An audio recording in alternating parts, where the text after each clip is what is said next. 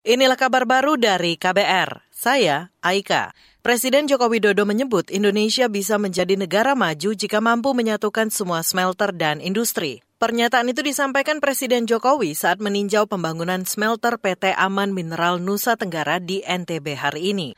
Akan masuk semuanya ke mobil listrik. Ini kesempatan Indonesia untuk melompat menjadi negara maju. Kalau kita bisa mengintegrasikan semua smelter, semua industri yang ada di negara kita yang terpencar-pencar, ada yang di barat, ada yang di timur, ada yang di tengah. Itu tugasnya negara di situ, memastikan bahwa integrasi itu terjadi.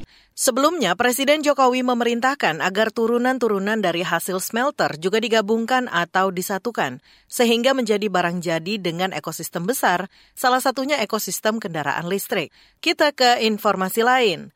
Menteri Kesehatan Budi Gunadi Sadikin menilai wajar timbul perbedaan pendapat dalam pembahasan rancangan Undang-Undang Kesehatan. Menkes mengklaim telah mengundang sejumlah dokter dan organisasi profesi untuk memberikan masukan. Namun, Budi menyebut tidak semua masukan bisa diakomodasi ke dalam rancangan. Saya rasa di alam demokrasi wajar kalau ada perbedaan pendapat antara yang diterima dan yang tidak terima. Tapi kami pastikan di sini bahwa apa pun yang dibikin oleh pemerintah di DPR ini fokusnya ke tataran masyarakat. Ya, dan saya rasa para dokter-dokter, para perawat, tenaga kesehatan juga kita memang di amanahnya untuk melayani kesehatan masyarakat. Mudah-mudahan nanti kalau undang-undang ini disetujui bisa memberikan layanan kesehatan sebaik-baiknya ke masyarakat.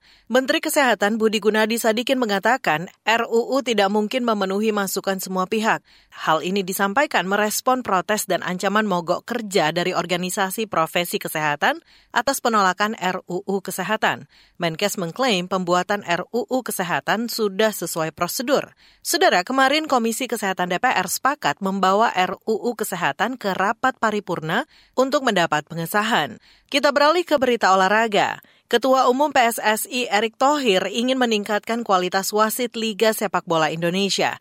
Ia tidak ingin wasit menimbulkan polemik akibat kinerja yang tidak kredibel. Melalui rilis resminya, Erick akan menyeleksi wasit yang bertugas. Proses seleksi akan melibatkan organisasi sepak bola Jepang JFA, sehingga bisa menjadikan sistem perwasitan nasional yang menyeluruh. Erick berharap pertandingan Liga 1 dan Liga 2 di musim mendatang berjalan lebih adil dan menjunjung tinggi sportivitas.